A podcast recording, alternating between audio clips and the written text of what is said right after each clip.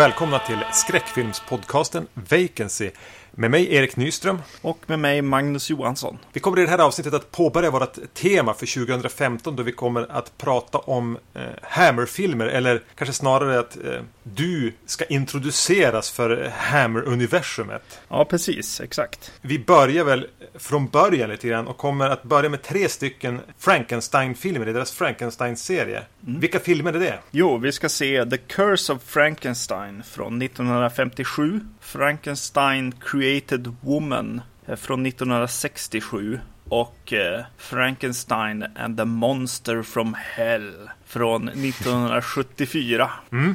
Eh, och för alla som inte eh, vet direkt vad, vad, Hammer är för någonting så är det alltså ingen person eller, eller filmserie utan det är ett brittiskt eh, produktionsbolag som under senare delen av 50-talet nischade in sig på att göra skräckfilmer.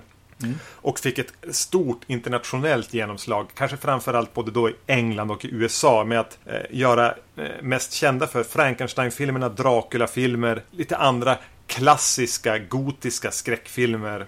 Där de från början då återanvände Universal Horrors eh, gamla klassiska monster. Och valde att då, då för, för att vara då sent 50-tal göra upphottade versioner. Det var lite nytt att göra dem i färg. Det var lite nytt att kunna använda blod. Och det, det, det Hammer väl kanske starkaste intrycket de gjort på eftervärlden är ju att de har lanserat två ikoniska skräckfilmsskådisar. Då i Peter Cushing, eh, kanske mest känd för allmänheten då som eh, Grand Moff Tarkin i första Star Wars-filmen. Mm. Eh, men en, en lång karriär med, med B-skräckisar egentligen. Och eh, naturligtvis även Christopher Lee. Eh, även han känd som Count Dooku i eh, Star Wars Prequel som är kanske mest känd för att ha spelat Saruman i Sagan om ringen-filmerna. Eller Dracula i Hammer. Ja, exakt. Jag skulle nästan säga det. Uh, nej, men precis. Uh, Sauroman är väl uh, det senaste stora grejen. Så. Och han lever ju fortfarande. Ja, precis. Gör... Till, skillnad, till skillnad från vad du försökte övertyga mig om någon gång där i mitten ja. av 90-talet. Ja, tog lite fel på skådis där. Men Nej, precis. Han, han lever ju i full, och är i full eh, rulle med att göra så här eh, hårdrocksalbum. Mm, han sjunger typ eh, opera eller någonting på dem. Nej, kanske inte opera, men han sjunger i alla fall. Ja, precis. Ja.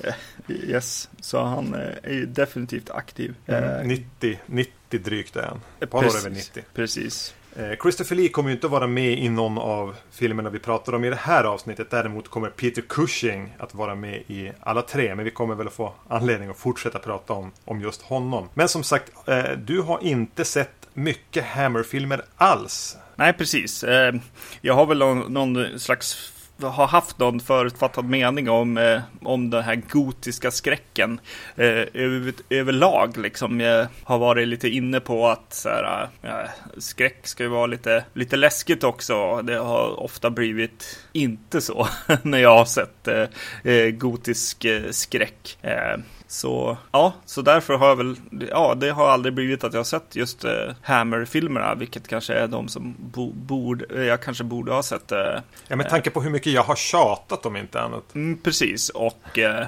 hur mycket de ändå var nya på ett sätt också. Och det är ju ändå skräckfilmer som har påverkat eh, skräckfilmsvärlden väldigt mycket. Jag menar, Mario Bava hade inte varit den Mario Bava blev om inte Hammer hade gjort det han sen gjorde till sitt. Mm. Och utan Mario Bava hade vi aldrig haft Dario Argento och vi hade förmodligen aldrig haft eh, Fredagen den 13 filmerna heller. Så alltså, det är ju en, en, historiskt viktiga filmer, många av dem. Mm. Mm. Och, och, jag som sagt var, eh, som jag nämnde i, i 2014 års summering, är ju ett, eller framförallt har varit ett väldigt stort Hammer-fan. För tio år sedan köpte på mig box efter box och såg filmerna och såg mer och köpte mer och, och, och, och liksom eh, kunde väl inte sluta prata om Peter Cushing. Eh, sen, sen har jag inte sett om dem på ganska länge. Någon av, av filmerna. Så det är väldigt länge sedan jag såg en Hammer-film. Nu när vi ska... Får jag, för mig blir det en chans att, att återvända till dem och eh, se om jag fortfarande tycker om det här. Och, och, om jag kan tycka om det på ett sätt som inte bara är det här lite eh, akademiska intresset av hur viktiga de ändå har varit för skräckfilmsgenren. Om jag kan se bortom Peter Cushing och Christopher Lees ikonstatus. Just det. Eh, Men det är ganska passande att vi, att vi börjar med, med just Frankenstein-filmerna. För Curse of Frankenstein då från, vad sa du, 1957 va? Ja, precis. Var egentligen filmen som, som eh, slog upp dörrarna för, för Hammer som, ett, som en stor aktör. En inkomstbringande produktionsbolag. Eh, det var deras första, de hade gjort just strax innan några så lite eh, crossover science fiction skräck som heter Quatermass. Mm, det. Filmer, två stycken, ja, Quatermass, jag vet inte riktigt. man- John Carpenter brukar använda sig av det namnet. Just det, ja precis. Som, som, som blev väldigt, väldigt omtyckta och upp, uppskattade. De var svartvita lite mer, lite mer så tv, om jag tänker sig tv på 50-talet. Eh, så då tänkte jag, ja, men nu satsar vi på att göra en... De, de, det visade sig finnas ett intresse för, för att göra gotisk skräck och göra det i färg. Och försöka, och då valde de att eh, satsa på att, på att just de här klassiska monstren återvända till dem och försöka göra något nytt med dem. Ja, Och då var Frankenstein först ut. just det. Att Precis. återvända till Mary Shelleys roman. precis. Eh, ja, precis. Och den är ju regisserad av Terence Fisher här. Precis, som visar sig ha regisserat alla de här tre filmerna. Exakt. Vilket inte var någonting jag tänkte på när jag valde dem till det här avsnittet. just det. Eh, Men han var på något sätt eh, Hammers lite hovregissör. Han var en, eh, ja, en, en, en hårt arbetande, hantverksskicklig regissör som gjorde det han blev tillsagd. Ja. Eh, ja, The Curse of Frankenstein. Vad vad handlar den om? Ja, jag vet inte hur mycket man behöver prata om, om just själva historien kring Frankenstein. Men det, Victor Frankenstein är ju en, en baron och, dessutom en slags hobbyvetenskapsman. Eh, spelad av Peter Cushing. Som, eh, hans föräldrar dör när han är ganska eh, ung. Och han blir liksom lämnad med hela den här förmögenheten och sitt brinnande intresse för, för vetenskap. Det nu spelas någon gång under 1800-talet ska väl sägas också. Ja. Eh, Så han plockar dit en, en läromästare och de tillsammans börjar göra ganska avancerad eh, forskning inom ja, biologi och människan. Och, eh, Victor Frankenstein blir ju besatt av att kunna konstruera en människa och skapa liv genom att sy ihop kroppsdelar och sätta in en hjärna och, och ge liv åt någonting som är dött. Precis, att Eh. besegra döden. Ja. Eh, Det första som, som, som slår den här, för eh, ja, ja, jag brukar tjata om förtexter, men det, de är väldigt fina. Eh, i den här med, med en, heter det, en röd bakgrund där det, där det verkar eh, nästan som att man är inne i någon slags eld eller rök, någon helvetesrök där med, med sån häftig klassisk text. Men efter det, när den väl sätter igång här så, så slås jag ju av de eh, väldigt mysiga just färgen i filmen.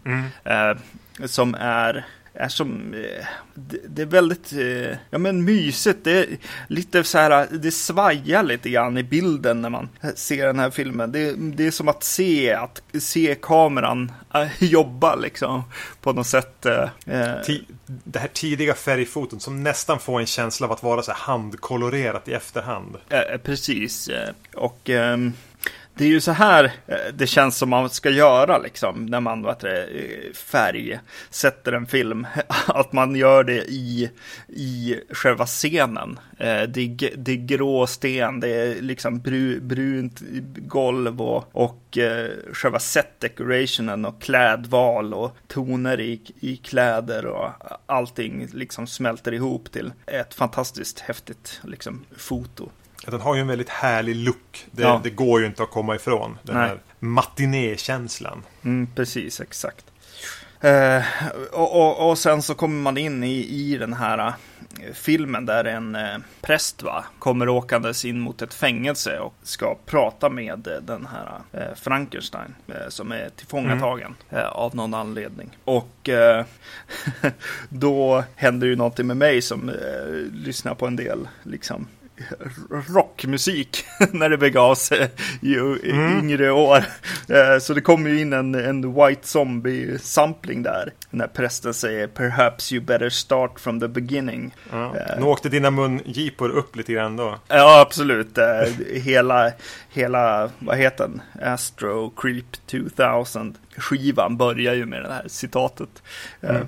Så det var lite kul. Sen, sen, sen, berättas ju hela filmen då att, att, att baronen faktiskt börjar från början och berättar om sitt liv lite grann kortfattat tills han kommer fram till de här experimenten de har genomfört. Mm. Och jag gillar ju hur, hur de startar med det med, med den här pojken och hur han tar dit en lärare liksom som sen i princip blir den här klassiska Igor liksom personen på något mm. sätt eh, hjälpredan så här. Eh, Men en, en ganska annorlunda Igor hjälpreda. Ja, precis. En person som, som ska ha eh, högre status och vara mer lärd än Frankensteins själv egentligen. Men det finns ju någonting i hans liksom grundpersonlighet här på något sätt som gör att han, att han ändå blir mer intelligent än, än mm. sin egen lärare på något vis.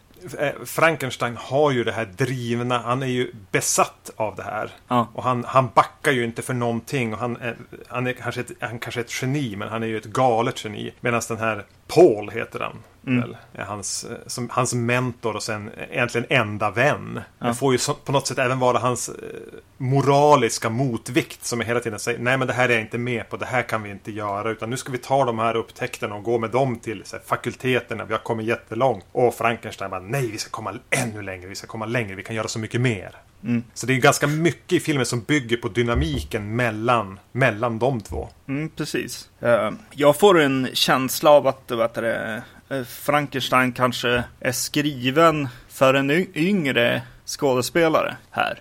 Peter, kan Peter Cushing vara här 40, 44, 45 tror jag han var. Precis, det känns som att de liksom, ja jag vet inte om han blev intresserad eller någonting och de inte kunde säga nej liksom. För, för som jag förstått det var han väl lite stor i, i tv och även på, ja på scen liksom. Yeah. Så det blev väl han på något sätt. Eh, men jag, men jag får en känsla av att han ska få, ha det här lite eh, ungdomliga iven liksom i, i det han gör definitivt. Tycker du inte att Peter Cushing kan sälja in det, eh, den ungdomliga iven riktigt? Jo, jo det är bara, jo, men det är nog visuellt. Det är därför jag fortfarande har kvar känslan av att okej, okay, han är yngre än vad han ser ut eh, mm. på något sätt här. Den blir ju direkt lite härlig också när de väl börjar göra liksom experiment här för att eh, Peter Cushing säljer ju sin karaktär helt och hållet. Även mm. när han gör eh, knasiga saker liksom. De, de börjar ju, ja de försöker väcka en hund till liv liksom. Som mm, de det är nästan det, det ja. första som händer i filmen. Ja precis, de har någon, vet det, någon hund i något eh, ja, bad eh, under, under vatten eller vad det nu är för vätska och så vet det, ger de den väl ström eller vad de gör.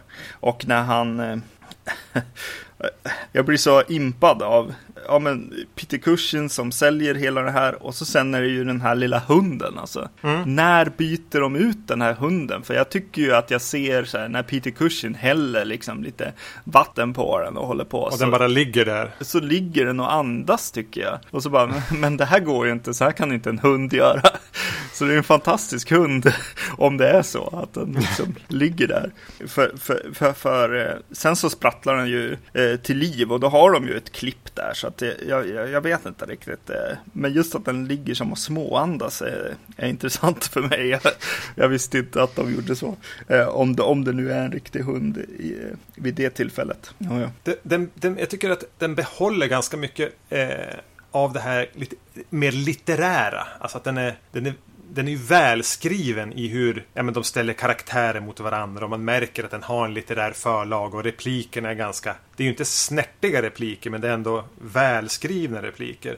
Eh, men att den här då ändå inte kan låta bli att vara lite för tiden mer morbid. Med mm. att eh, det är något huvud de ska göra sig av med. Som ja. de har bestämt att de inte kan använda. Och att han ska släppa ner det i ett syrabad. Och, och, och han, när han ska sätta ihop monstret sen så beställer han även efter typ någon känd skulptörs händer. Just. Bartolini, Bartolinis händer. Och så måste han visa upp och visa. Oj, det är ju, det är ju skulptörens händer. Har du köpt dem din tok? Så den, den, den, måste visa de här lite, lite blodigare sakerna som kanske inte är så blodiga egentligen. Ja, just det.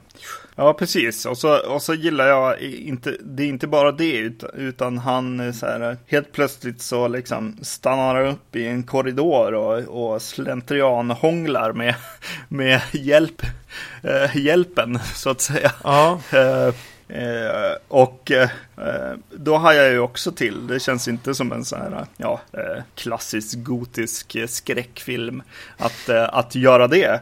Och, eh, och jag undrar, börjar så här, undra vart det ska ta vägen och så. Så det finns ju några så här spår och, och de sår ganska friskt och saker som ska skördas sen och så här i manus och, och filmen här. Så jag är ju som, jag är ju som med i den här historien, definitivt. Mm. Eh, och, så, och så finns det en, en hastighet i den också som... Den är väldigt rapp. Mm. Eh, även om det är ganska många scener som går ut lite grann på att de experimenterar eller att de står och dividerar om vem som... Men, om det är okej okay att göra så här eller inte. Ja, precis. Eh, men just när man liksom har börjat kanske tröttna på den dynamiken så slänger de ju in den här... Eh, heter hon Elizabeth? Kanske det. Kanske det. Vi kan kalla henne för det. Nu har jag. Eh, som är alltså eh, baronens trolovade egentligen. Spelad av Hazel Court. Eh, som har en ganska det finns något väldigt sorgligt och lite mörkt i hela historiken där. För hon och hennes mamma var alltså någon som eh, baronens föräldrar försörjde. Mm. Och, och, han lovar liksom i början när han är fortfarande, ja men det, det, är inga problem, ni kommer att fortsätta vara försörjda för. Ni behöver inte oroa er bara för att de har dött. Åh nej men tack, tack så mycket. Mm. Och någonstans eh, så har det alltså då varit underförstått att som tack för att de har blivit försörjda, de fattiga, så har ju han fått henne. Ja, just det. Ja. Eh, och, och, och, och, hon ser det verkligen, ja men det är så här det ska vara. Ja. Eh, hon är verkligen bortgift. Ja. Eh, och hon har accepterat det. Att, liksom, ja, men det har varit, jag, jag gör det här för att min familj, min mamma och jag ska kunna få mat. Då kan jag väl tänka mig att vara gift med en baron resten av mitt liv. Ja. Medan han är ju väldigt, han ser ju mer henne som någonting störande som, som kommer i vägen för hans experiment. Ja, ja, precis. Till och med när hon då, ja precis, försöker komma in i den här rollen så är hon som bortknuffad. Och, ja, ja, det är lite konstigt. Hon tycker jag kommer in i precis rätt tillfälle också för att få lite liv i det, lyfta upp den till nästa, göra det ännu mer komplicerat eller vad man ska säga. Ja, precis, höja insatserna. Ja. ja. Absolut.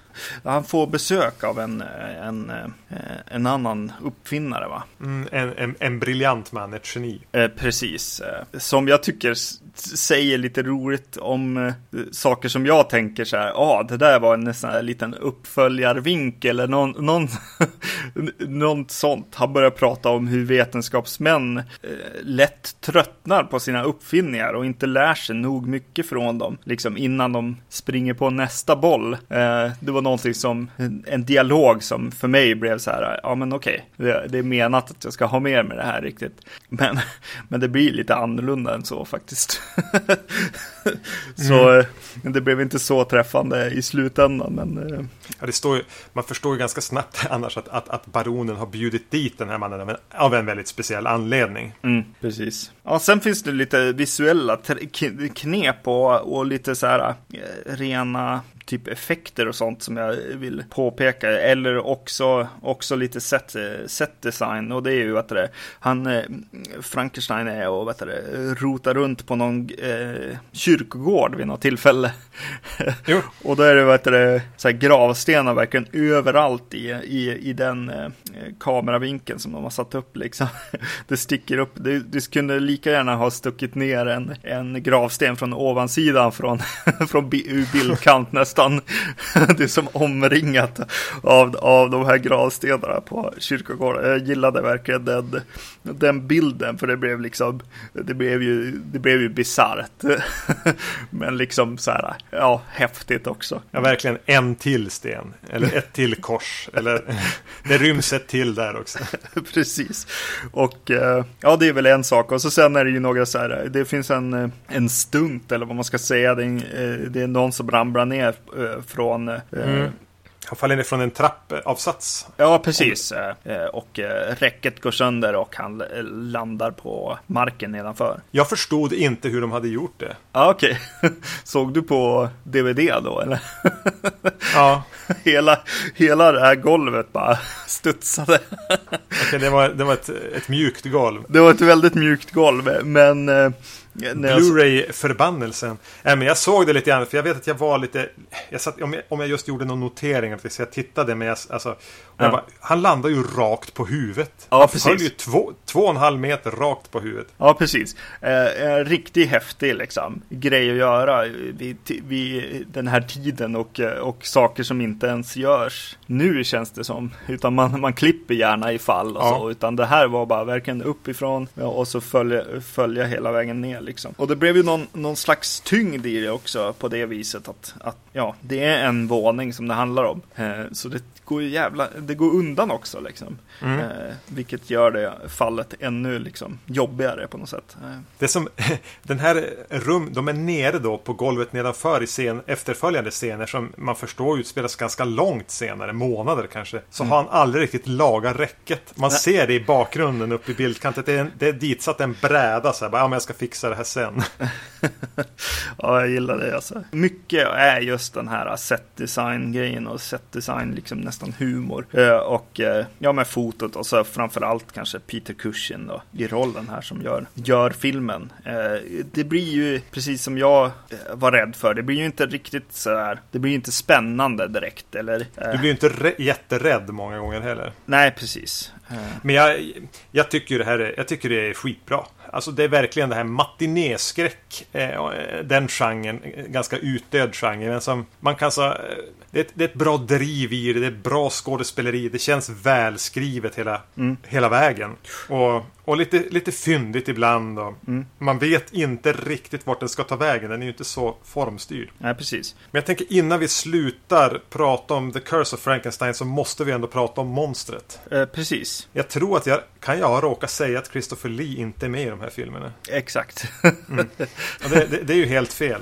Eller han är med i den här filmen. Han spelar ju monstret. Eh, exakt. Eh, Hammer kunde inte få rättigheterna till Universal Horrors klassiska, liksom, det, när man ser Frankenstein, när man tänker det förhöjda huvudet och bultarna. Och, mm. Det var ett copyright på det, så de fick designa sitt eget. Då tog de en stor, stor skådis. De kunde hitta en lång kille. Mm. Och det var Christopher Lee. Precis. Och så gjorde de någonting lite mer, försökte göra en egen design. Mm. Vad tycker du om monstret? Jag tycker det är rätt fräscht alltså. Eh, just att köra på lite, ja men zombie Mm. Han ser ut som en zombie eh, väldigt mycket och eh, är lite så här halvblöt och uppblottnad och, eh, och Christopher Lee är väldigt bra i rollen för han har en väldigt härlig så här zombie-gång. Jag tänkte, ganska, jag tänkte ganska mycket på zombien, den första zombien i Night of the Living Dead. Exakt, som anfaller på kyrkogården. Mm. Något i rörelsemönstret som det här lite stela och... Mm. Ja. Exakt, jo men ja, ja, ja definitivt. Tänkte du på in, det kommer en inzoomning där liksom, de har ju först i lindor. Eh, och så kommer de in och då har han ställt sig upp och så tar han i handen så drar bort lindorna från ansiktet. Så är det en ganska här, snabb in, inåkning mot hans ansikte. Mm. Tydligen så eh, i fredagen den 13 del 7 ja, när, när Jasons mask går sönder så är det en likadan inåkning mot ansiktet för att visa hur, hur hemsk han ser ut. Just det. Som, som är menat som en passning till, en referens till till Frankenstein. Just det. Ja, men jag eh, det var nog någon av de där liksom, scenerna just när han håller på att vakna upp och sådär som, som ändå funkade också på, på den här läskighetsnivån och eh, eh den blir ju också lite härligt så här blodig och, och blir lite så här eh, kul på något sätt när den, där den skiljer sig från Universal-filmerna. Det känns ju som att de är och, och, och flörtar och ändrar och så när, vet du, när monstret är ute och härjar. Mm. Eh, och eh, det blir ganska fräckt och lite så här, ja, det blir ju inte läskigt, men det blir så här äh, lite mysigt, eh, ondskefullt på något vis. Ja, nej men jag, jag tyckte om den här filmen och den har en ganska mysig och rolig så här, slutkläm med, med tanke på liksom vad de har presenterat och sådär. Man, man, man liksom ler till lite grann. Eh, Eh, när, de, eh, ja, när, den, när den är slut på något, på något sätt. Ja, just det, det är klart att den ska sluta på det här viset. Liksom. Mm. Eh, så det var väl en ganska bra kick-off tyckte jag. Eh, mm. Till eh, Hammer här. Eh, Serien fortsatte ju eh, genom åren också. Att de fortsatte och gjorde några Frankenstein-filmer. Vi har plockat ut tre av, jag tror det är sammanlagt sju. ja, Ehm, Peter Cushing är med i sex av dem. Christopher Lee är bara med i den här. Mm. Eh, det som kan vara värt att nämna någonstans mellan The Curse of Frankenstein och Frankenstein Created Woman så verkar baronen ha skadat sina händer. Vilket blir viktigt, någorlunda är viktigt i, i, i de två efterföljande filmerna. precis. eh, Någonting man blir väldigt intresserad av.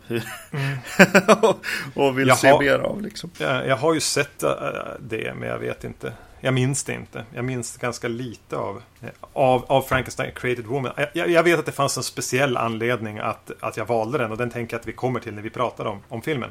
Mm. Men eh, den kom alltså, kom alltså 1967, eh, fortfarande i regi av Terence Fisher och fortfarande med Peter Cushing som, som baronen. Ja, Eh, här har han, är han någonstans i en liten by och fortsätter sina experiment. Eh, han har två medhjälpare.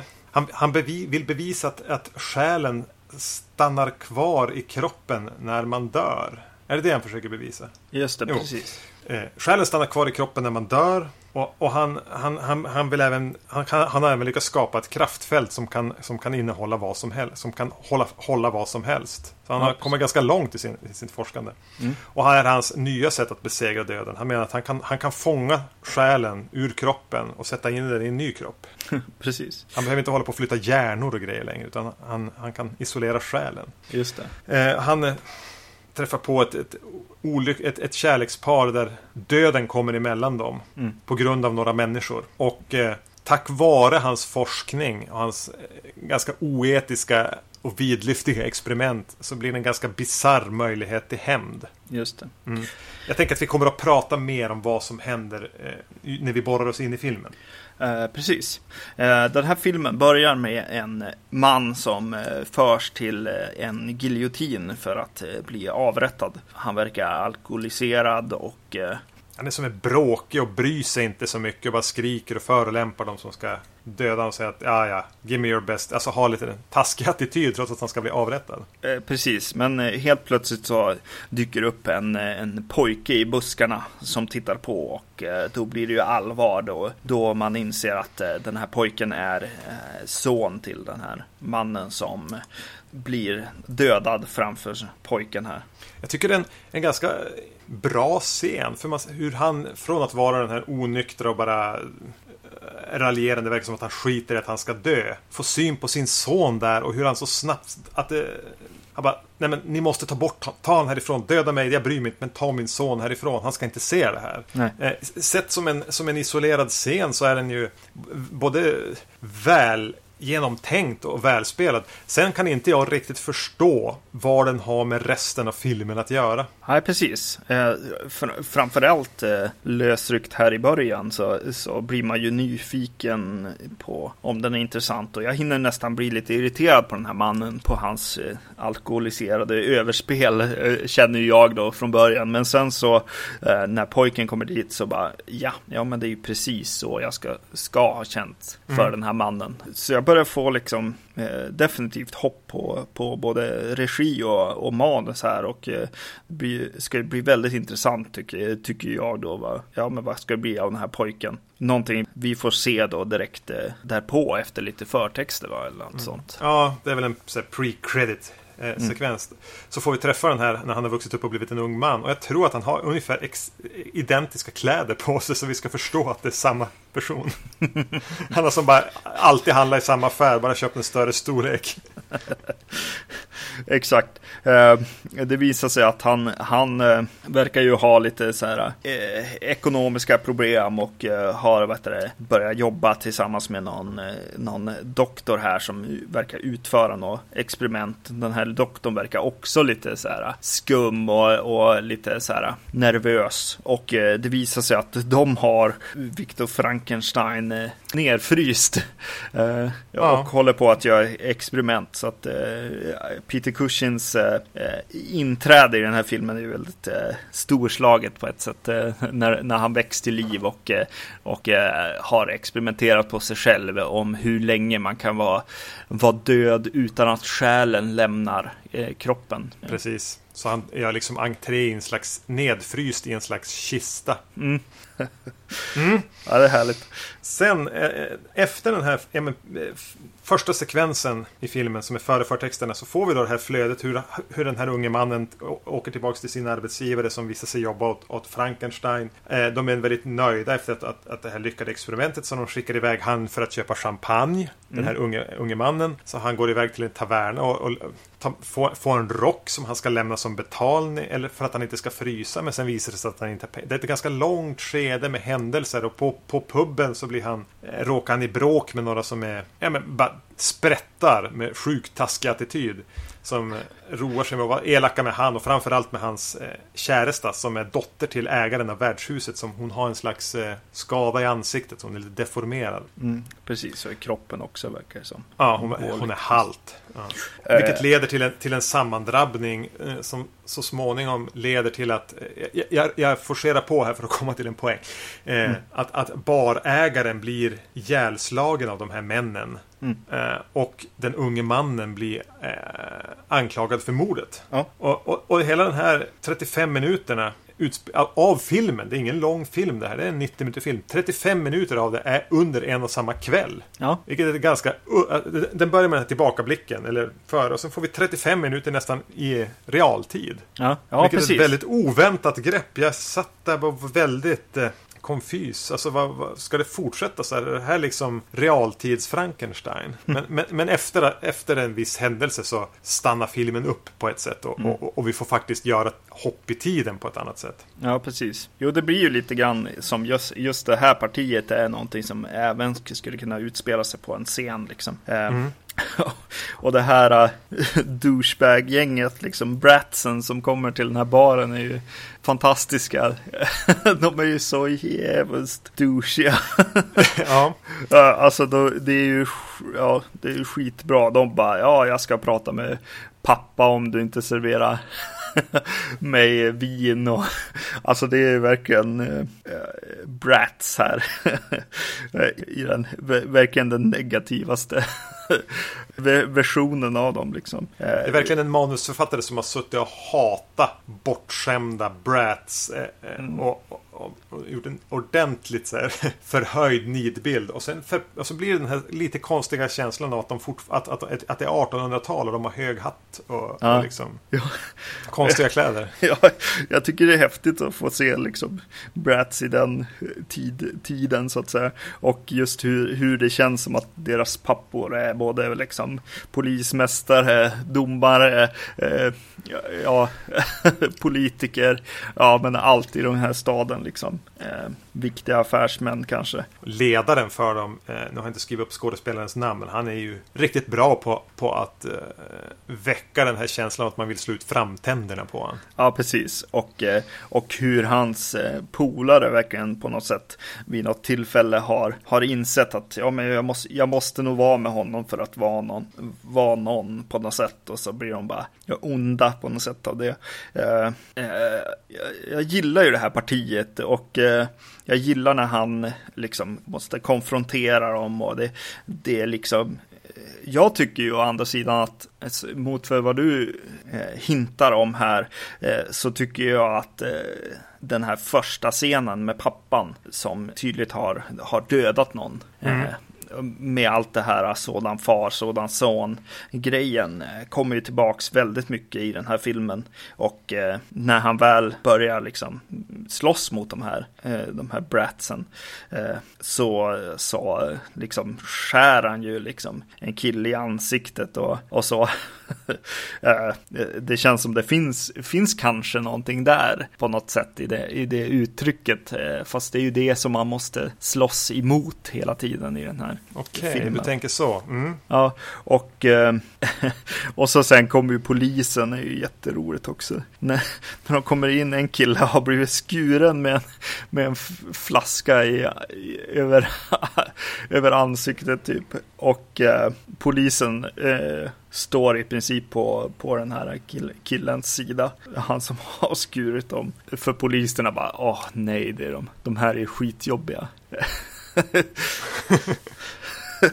så, så då, ja, nej, det är som roligt att, att, eh, de bara, ja men vadå? Ni, ni, ni, ja, jo, de säger typ så här bara, ja men vadå? Tre mot en, hallå, kom igen. Och så går de därifrån. ja, det är kul. Man är lite mer eh, jordnära poliser. Ja, som inte liksom är så noga om lag och nej, precis. ordning. Utan mer bara det här borde ni, det här borde Ja. ni kunna göra upp ändå. Mm. Eh, ja, men Bratsen blir ju liksom utkörda, men, men vill väl ha och går och vad det, stå, står och retas utanför vad heter det, den här krogägarens dotters eh, rum så där och ropar och skriker och sjunger någon hemsk sång om hur hon är vanställd och aldrig kommer Mm. få få någon kille och sådär. Medan hon ligger i armarna på våran, på våran hjälte. Ja, precis. Ja. Eh, precis, så vad vet de?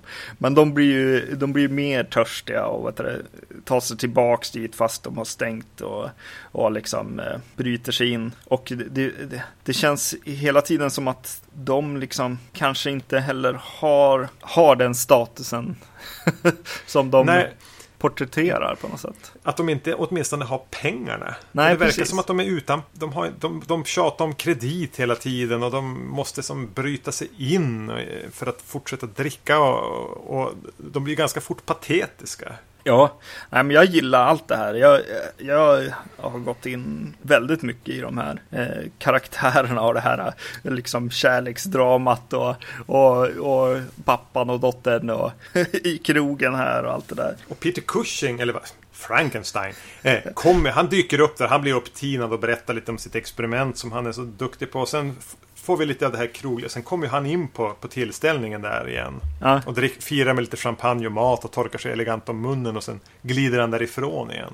ja, Eh, och han, eh, ja, sättet som, som, som Peter Cushing kan komma in i en scen Mm. och bara lyfta den till en, någonting helt annan på en, på en helt annan nivå på något vis. Med Mm. ja, men det här eleganta, intensiva, lite androgyna Mm. sättet. Blir ju så... Eh, för, Frankenstein har ju, han står ju verkligen, han är ju en bakgrundsfigur i hela den här filmen. Mm. Men han får som ändå komma in då och då och bara eh, skådespela lite grann och så glida undan igen. Jag tycker att det är ganska, han är, används ganska häftigt. ja, ja, precis. Och mot för eh, förra filmen så börjar han ju kännas liksom lite mer kylig. Ännu mer kylig här skulle jag säga. Och eh, eh, med just det här med människoliv och, och just, just för att de har skrivit ett, ett manus om de här, eh, det här kärleksparet som, som blir väldigt olyckligt och, och det dör liksom fel personer hela tiden. Som är lite sorgligt liksom. Även, även han krogägaren och, och, och så. Eh, Men det är som att alla de goda, goda karaktärerna dör. Mm, precis, och Frankenstein ser bara möjligheter eh, i princip eh, till eh, sina experiment. Liksom. Han ser det ju som något väldigt, väldigt positivt att, få- att få tag i, i, i de här liken vid rätt tillfällen och så här. Nu får jag en chans att testa mina förmågor. Ja, precis. Och jag tänker att det är, det är nästan omöjligt att prata om filmen utan att gå in på vad man skulle kunna kalla spoiler-territorium. Jag tänker att vi, Ja. vi ska göra det här. Ja, det tycker jag nog. För det som händer är ju att den här unge mannen blir dömd för mordet på krogägaren. Mm. Och, och hängd. Och, och den enda som hade kunnat ge henne ett alibi var ju krogägarens dotter som inte fanns där då. Nej, Och han ville inte heller säga någonting om henne. Eftersom han, de hade ju tillbringat natten tillsammans. Så det är ju inte, Nej. det är inte okej eftersom de inte var gifta.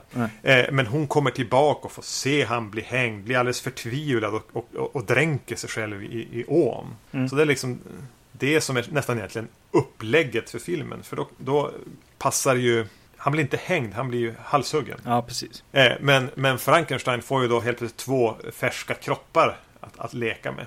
Så det han gör är ju att eh, använder sina nya uppfinningar att isolera själen i ett kraftfält och, som, som i en nyligen avliden kropp och flytta den unge mannens eh, själ in i kroppen på eh, hans älskarinna. Ja, Eh, och, och även passa på att fixa till eh, hennes ansikte och eh, lite defekta kropp. ja just det. Vilket även gör att hon blir blond. Just det. Mm. Så För, ja, precis. Den unge mannen var lite blond kanske? Ja, ja, jag vet inte. Det är ju som intressant. Det är något, någonting i filmskaparna här som säger så här. Ja, alltså det bruna håret, det ingick ju i den här grejen att hon var lite vanskapt. Mm. och inte så snygg, inte så attraktiv kanske. Eh, utan nu har hon ju blivit attraktiv och det, då är man ju blond tydligen då, tycker de här. Mm. Mm. Goes without saying. Precis. Ja. Och Frankenstein är ju ganska nöjd när han har åstadkommit det här. Nu har han sin... Ja. Eh, men hon visar sig ju vara någon slags eh, hämndängel då som ju är lika delar sin älskare som sig själv. Som, ja. som någon med ut, utan ett riktigt minne av vad som har hänt tidigare. Och då finns ju de här tre bratsen på hämndlistan. Mm. Vilket ju är ett jättekonstigt koncept. Och det, det, det, var det jag mindes av den här. Vi måste ta med Frankenstein ja, Created ja, Woman. Ja.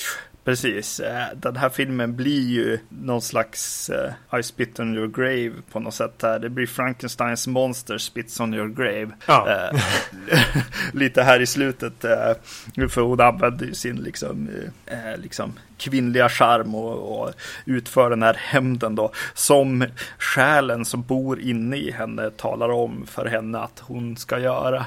Alltså, ja. det är ju det är fantastiskt. Ja.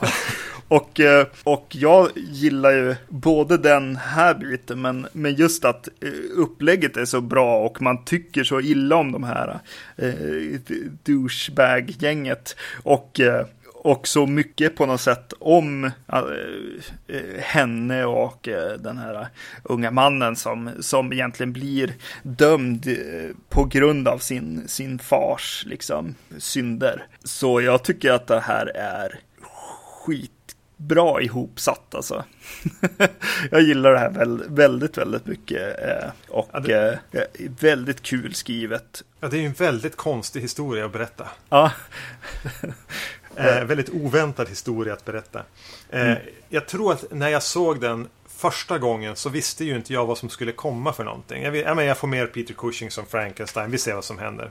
Mm. Eh, och då, för då vet jag att jag var så här, hade sett den och var helt betagen av den. Eh, den. Den har kanske en lite lägre effekt andra gången. Ja.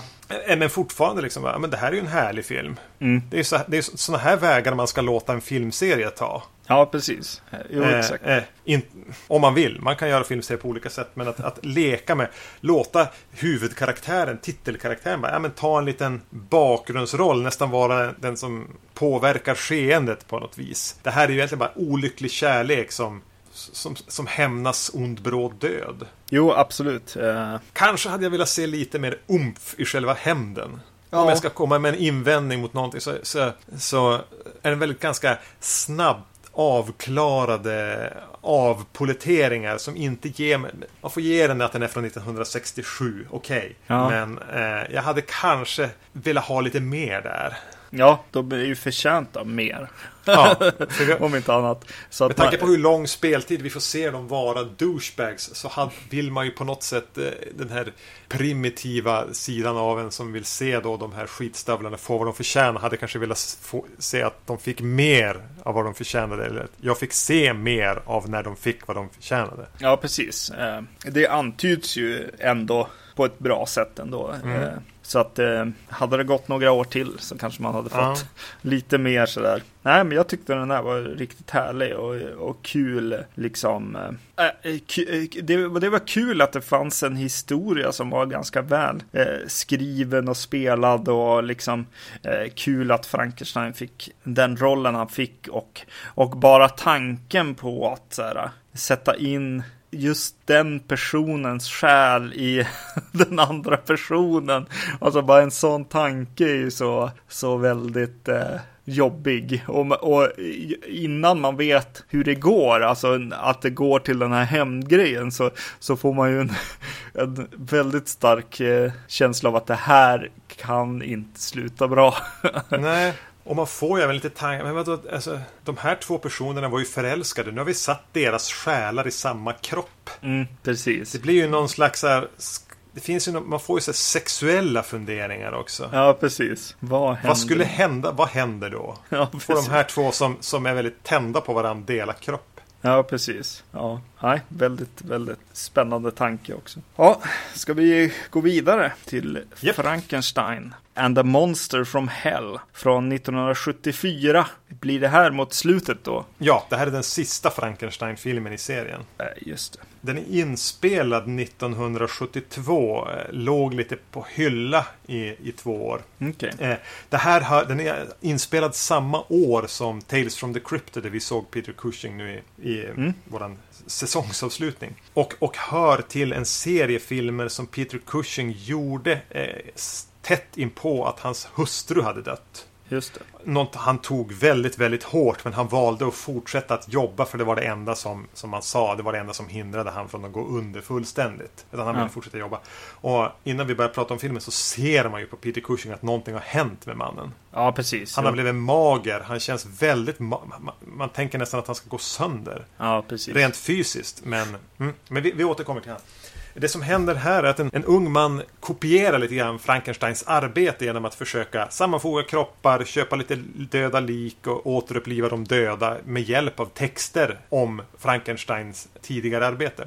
Han blir ertappad och ställd inför rätta och dömd till eh, vad är det, fem år på, inom sluten psykiatrisk vård. Just det. För trolldom. Ja, han, han, är en, han är en manshäxa. Just det. Och eh, han hamnar på ett, en psykiatrisk inrättning där eh, det visar sig att eh, även den käre baronen tidigare har blivit inskriven när han ertappades med sitt och de skulle göra sig av med han för gott så blev han inskriven på ett mentalsjukhus. Han låter sig inte stoppas så, så enkelt utan han har ju fejkat sin egen död och övertagit eh, rollen som eh, psyk psykets eh, husdoktor. Mm. Vilket gör att han ganska obehindrat kan fortsätta med sina experiment med hjälp av en, en stum kvinnlig medhjälpare. Han har fortfarande problem med sina trasiga händer så när han får in en ny ung, pigg och ivrig kirurg som, som kan vara hans händer och fortsätta hans arbete så blir han naturligtvis genast eh, väldigt intresserad. Mm. Och han använder sig av eh, internerna, eller heter det interner på ett, patienterna heter det såklart. Att, att fortsätta sina experiment på. Just det, precis. Och, eh, och han går förstås in i de, så här, de allra värsta patienterna. De tyngsta brottslingarna och, eller konstigaste personerna här tydligen. Eh, I någon slags avdelning där det, där det bara bor farliga patienter. Och ehm, ja, precis. Den här unga, unga doktorn är ju förstås ett, ett stort fan också och, och ivrig att eh, hjälpa till här. Och eh, ja, eh, det blir ju direkt lite kontrast här för jag i Frankenstein Created Woman eh, när jag hade sett den så, så såg jag verkligen fram emot vart, vart det skulle ta vägen för jag kände att ja, men det här är en ganska välskriven serie Mm. fick jag för mig för förs- första filmen är också, också bra där eh, på, det, på den grejen. Du har ju några filmer däremellan, bland annat en som heter en elak jäkla film som jag minns som heter Frankenstein Must Be Destroyed. Där, nu gör jag en liten parentes här i, i Mm. där, det, det enda jag minns från den var att baronen bland annat våldtar en kvinna. Mm. För att regissören sa vi behöver sex. Just det. Mm, det är det. Ja, ja, det Peter. Cushing skämdes väldigt mycket över det och bad, så, må- mådde väldigt dåligt över att behöva göra sånt. Eh, och sen finns det en annan film däremellan som är en slags, utan Peter Cushing, som är en reimagining, en ironisk reimagining av eh, första filmen. Och sen kommer vi till den här. Ja, just det. Eh, men du säger att du, du hade fått förväntningar eftersom du upplevde att du hade två välskrivna filmer med dig in.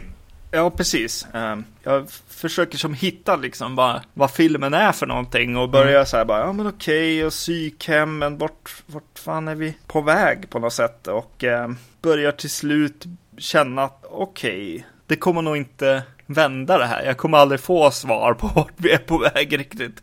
Utan eh, börjar ganska snabbt känna att jaha, okej, det här är lite av en exploitation film på ett sätt. Det är lite så här, åh, titta på alla freaksen på mentalsjukhuset. Eh, ganska tidigt i den typ en man som, som tydligt är homosexuell som liksom får en, man får en liten känsla av att man bara ska så här, ja, peka och skratta liksom och, och sådär. Eh, Det är, en, det är en ganska lång sekvens egentligen när, när eh, baronen och den här nya unge mannen bara går mellan rummen och presenteras för de olika, Mm. olika typer av dårar. Ja, precis. Eh, och så sen när, när väl Peter Cushing kommer in, som du säger, så blir man så här, ja men jaha, just det. eh, just att han ser, ser ut som han gör och sen kan jag inte släppa att han har någon, någon peruk på sig. Mm. Eh, som, som inte går att liksom ta på allvar och det blir liksom Jag kan nästan inte se hans eh, skådespeleri för, för det här eh, konstiga håret som han har. Eh, så det är lite synd. Eh, det var först, först när jag såg lite extra material som jag liksom började säga ja, Peter Cushing går ju faktiskt in i scener och, och gör det han kan liksom. Av det som finns där. Han är, han är ju jävligt, jävligt bra alltså. Ja, herregud ändå vilken, alltså trots att man ska komma ihåg att han var här förkrossad av sorg eh, och se utmärglad och, och ganska sjuk ut. Ja. Vilket han, han, levde i 20 år till efter det här. Mm. Men det är en scen när han liksom ertappar hans medhjälpare med att snoka där han inte borde snoka. Ja. Han står i en dörr, kameran bara vänder sig mot honom, tittar på Han stormar in genom rummet och liksom säger vad fan håller du på med? Och jag, jag blir så rädd för han. Alltså mm. Alltså, den, alltså han blixtrar fram. Ja. Alltså det är verkligen elektriskt, det mm. skådespeleriet alltså, och, och lyskraften. Oh. Så jag tänker att ja, men den här mannen kan ju inte misslyckas. Nej, nej det går Han, han tar det här på så stort allvar. Alltså han, oavsett vad så gör han verkligen alltid sitt bästa. Ja, precis. Och till och med liksom av de här sakerna som är lite, inte bara exploitation, men också liksom så här, det ska vara lite grossness liksom, gross out effekt på något sätt eh, i den här filmen. Det ska vara lite så här operationsscener med hjärnor som man ska så här vända, vända ögonen bort från liksom och sådär. Och i en av scenerna så bara Peter Cushing, de ska sy fast en, en hand och eh, på, på det här monstret som de håller på att eh, skapa av patienter där. Och han kan inte hjälpa till med sina skadade händer så han, han håller fast en av liksom blodådrorna, scenerna där eh, med sina tänder. Just det. och, och det blir så, det är ju så sjukt. Men ja, men Peter men Cushing väl... bara, nej men han ska göra det här. Ja. Eh, just att han ber om så här, ja jag vill ha en liten spott, eh, liksom kopp och ett glas vatten sen. Eh, ber han, ber han om och sen gör han det.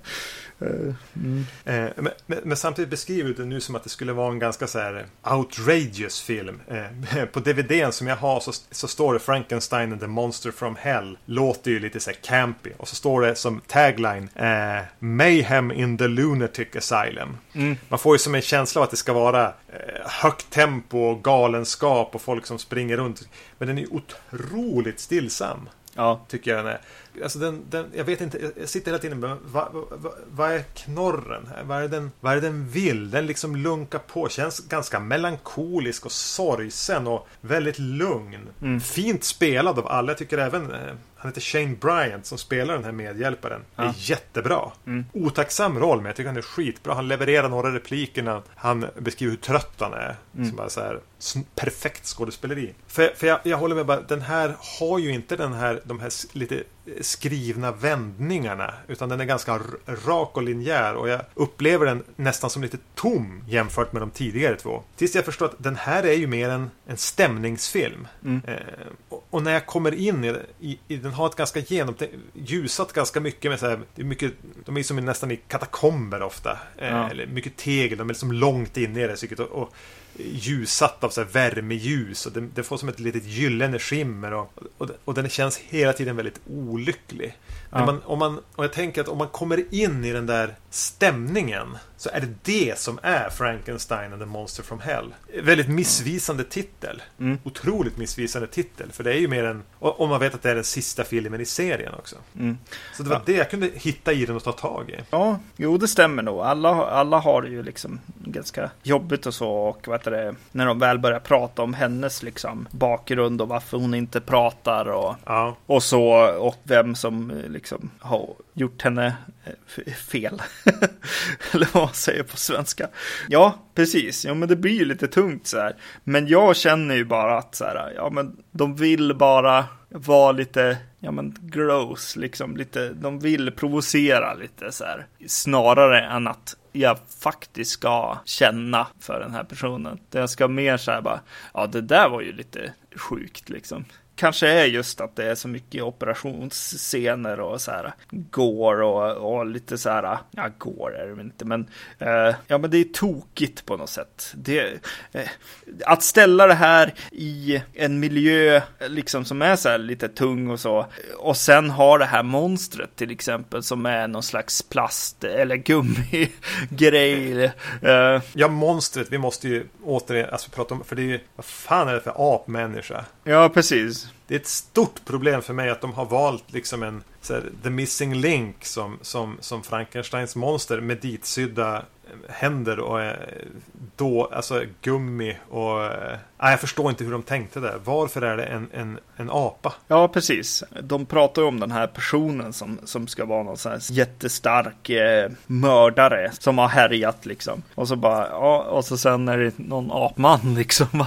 Vad tusan, ja det är konstigt. Ni har ju typ arresterat en gorilla. Det där är, det där är ju ingen människa när jag spelar in. Ni måste ju förstå att det där är ju en gorilla. Den här, han är ju helt sjuk. Han pratar ju inte. Och... Man slår sig på bröstet när vi försöker åtala honom. Precis. Han är ju uppenbart galen. Ja, precis. Om, om, det här, om han hade spelat så bara, ja men han är Christopher Lee eller någonting. Mm. Jag vet inte. Då hade det, eller ja, han spelas ju av eh, David Prowse här, eh, Darth Vader själv. Eh. Det är ju lite roligt ändå att vi får Grand Moff Tarkin och Darth Vader. Ja, precis. Vi får Grand Moff Tarkin ridandes på Darth Vaders rygg. det, det, är ganska kul. Eh, men, ja men ta bara in David Prowse då. Han är ju stor och ser konstig ut liksom. Ja. ta, ta bara honom liksom rakt av liksom. Det hade varit mycket läs, läskigare, sorgs mer sorgset och, och sådär också. För jag tycker att han har en rolig bakgrundshistoria, den här mördaren också, som har ett, ett eh, vad heter det, MO eller vad det heter, eh, mm. som heter det, slår sönder glasflaskor och eh, dödar folk på med glasskärvor liksom. Vilket är han börjar göra, det här monstret också. Med väldigt stora så här kärl också, vilket är kul också. Ja, nej, för mig är det stora problemet med den. Jag, jag, jag, jag, kan hitta in i den här dysterheten där det som mer blir en, en, en stämningsfilm. Mm. Eh, men det här monstret distraherar mig så mycket hela tiden. Mm. Så det är mitt överlägset största problem med den. Den är inte speciellt välskriven. Den är välspelad. Mm. Eh, och har ett stort problem med monstret. Ja, manus och monster skulle jag säga. För min del. Eh, det är ju skönt att de har fått eh, dit Terence Fisher igen. Det var ju tydligen jobbigt. Han hade tydligen varit med i två eh, bilolyckor. Mm. Och skulle göra massa, massa film egentligen emellan här också. Men, men till slut så, så liksom var han ju något sån här återställd och kunde liksom mellan vilopauserna regissera den här filmen som han ju gör på ett ganska roligt sätt. Hans sista film också som han gjorde, den sista Frankenstein-filmen och, mm. och lite det i åtanke så tycker jag den blir en liten, en liten begravningsceremoni i sig. Som, de delarna kan jag uppskatta. Men mm. visst måste det ändå, om vi stannar upp lite vid Terence Fisher, ändå säga att det är en skicklig studioregissör de har här. Som, mm. som, som, du har sett tre olika ganska väsensskilda filmer som han ändå, du kan sällan anklaga regin. Nej, nej absolut. Jag, jag, jag gillar eh, definitivt regin i alla de här filmerna. Och eh, det känns som man kan ta materialet liksom och göra någonting av det. Även det här som är ganska dåligt eh, material kan jag tycka. ja visst, du kanske har rätt att det finns någonting som kunde ha varit lite, ja men sorgset kanske i den här filmen. Men nej, jag, jag är besviken definitivt på den här. men inte på, på varken regi eller skådespeleri alls. Inte, inte foto heller. Eh, jag, jag var lite ljummen också. Under, alltså jag kunde som stundtals komma in i det här. Bara, ja, men jag gillar känslan. Mm. Eh, men sen bara, åh, det där monstret är så dåligt. Och det, den har ju inte den här knorren eller eh, idén som de tidigare haft. Nej. Men sen kommer slutet på den. Och jag tycker att slutet är snudd på magiskt. Det slutar alltså med, utan att säga vad som har hänt, så, så bestämmer sig karaktär, eller olika karaktärer reagerar olika på det som har hänt och vi får se baronen som överlever, spoiler spoiler, skit i det. Liksom sakta liksom varva upp igen som en gammal motor som man tror var på väg att stanna av. Och Mm. börja sopa upp och så går han fram och, och drar ut en, en, en, en sån här flask som långt tidigare i filmen har planterats. Alltså, en, så här, en, en modus operandi från den här mördaren. Så har han slagit sönder ett stort kärl och jagar någon och hugger fast den i en skåpdörr. Och så börjar han sopa upp grejer och så går han bara fram och Jo, nej, men vi ska börja om, vi ska börja om. Vi har, vi har all tid i världen, vi har mycket att göra. Och bara rycker loss den som städar. Ja. Och så klipper det till en kamera som zoomar ut från det här psyket. Och så Ja. kommer eftertexterna. Det tycker jag är sj- sjukt häftigt. Ja, ja, det är coolt när han städar upp där. Och cynisk. Den, slu, alltså det, den har ju ingen punch eller, eller ett sånt här crescendo på något sätt. Utan den pågår ju bara. Nej. Eh, Det är ju ingen, ingen direkt final på den. Och så kommer det här antislutet som var Ja. helt briljant. Så, Och- så där liksom lyftes min, mi, mina känslor för filmen som gör att jag, jag kanske övervärderar den. Eh, Att det färgar min Ja. övriga uppfattning av den. För den har problem. Ja, precis. Det är väl den scenen och när, när han stormar in där och, eh, och lite sådana grejer liksom som gör den. Det är snyggt där när han står och vad det, sopar upp där. För Terrence eh, Fisher sätter oss, eller kameran i alla fall, i den här buren som de har haft för monstret. Mm. Eh, Så han titt, tittar ut, ut utifrån det. Det är, det är snyggt hantverk definitivt. Mm. Men av de här filmerna så ska jag säga att Frankenstein Created Woman var den som för mig var så här, bara, ja, fan, det här var kul ändå att se. Jag tyckte att alla, se, alla scener jag fick eh, se var intressanta, eh, byggde på historien och, eh, och det var mycket roliga vink blinkningar till och med till liksom eh, Universal Frankenstein här. Det, bland annat så kommer det något, eh, någon så här pöbel eh, Mm. från stan som och knackar på hans dörr och så här. Eh, ganska, och ska prata allvar med, med Frankenstein. Eh, det var, det var en, en pigg film, den filmen. Eh, Mycket. Ja, eh, och, och den här första filmen är ju, är ju en härlig liksom, presentation av ja, men universumet här och, och eh, den här lite, eh, lite mer actionfyllda, eller vad man ska säga, eh, Hammer-versionen av Universal-filmerna. Så jag har två frågor till dig nu. Mm. Där den första är, är du sugen på att se de övriga filmerna i Frankenstein-serien? Eh, ja, det är definitivt. Det kommer jag nog måste, måste göra. Det är många så här lösa spår som jag måste veta hur det gick till. Typ eh, hur gick det efter, efter slutet på första filmen? Eh, och och hur, vad har hänt med hans händer? Och, och liksom, ja men och vart tog de vägen? Vart tog det vägen liksom på något sätt också? Fram till den här Mm.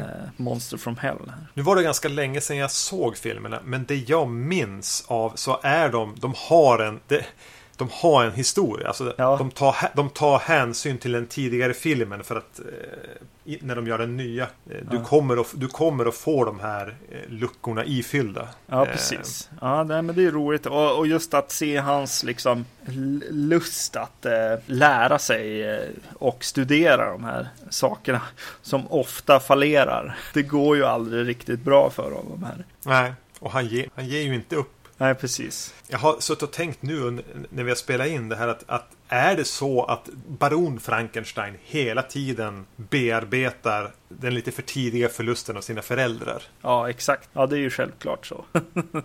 ja, det är fint. Mm. Det är nästan det första vi får presenterat med han är ju att hans föräldrar dör. Men min andra fråga till dig är Håller du med mig om att Peter Cushing är en av de främsta skådespelarna som har arbetat under 1900-talet? Absolut. Eh, Det, det går inte att sluta titta liksom, när han är med i en scen. Liksom. Det, är- han är ju fantastisk. Jag har som alltid suttit och varit lite bitter åt det Christopher Lee alla pratar om från Hammer-filmerna. Ja, det, Han har ju också en, han har ju en pondus och en utst- alltså, inget ont om han, men han bleknar i jämförelse Absolut. med den här unika skådespelaren. Ja, yes. Så det var, det var vårt första Hammer-avsnitt. Yes. Eh, Jag har planerat att vi, när vi återvänder till Hammer, kommer att titta, eh, inte Dracula, det sparar vi. Ja, Utan vi kommer att titta på deras eh, Carmilla-trilogi. just det. Men det blir senare i, under året. Mm. Tills dess eh, hittar ni oss på www.vacancy.se. Man kan mejla oss på podcastetvacancy.se. Vi finns på Facebook, vi finns på iTunes, vi finns på filmfenix.se.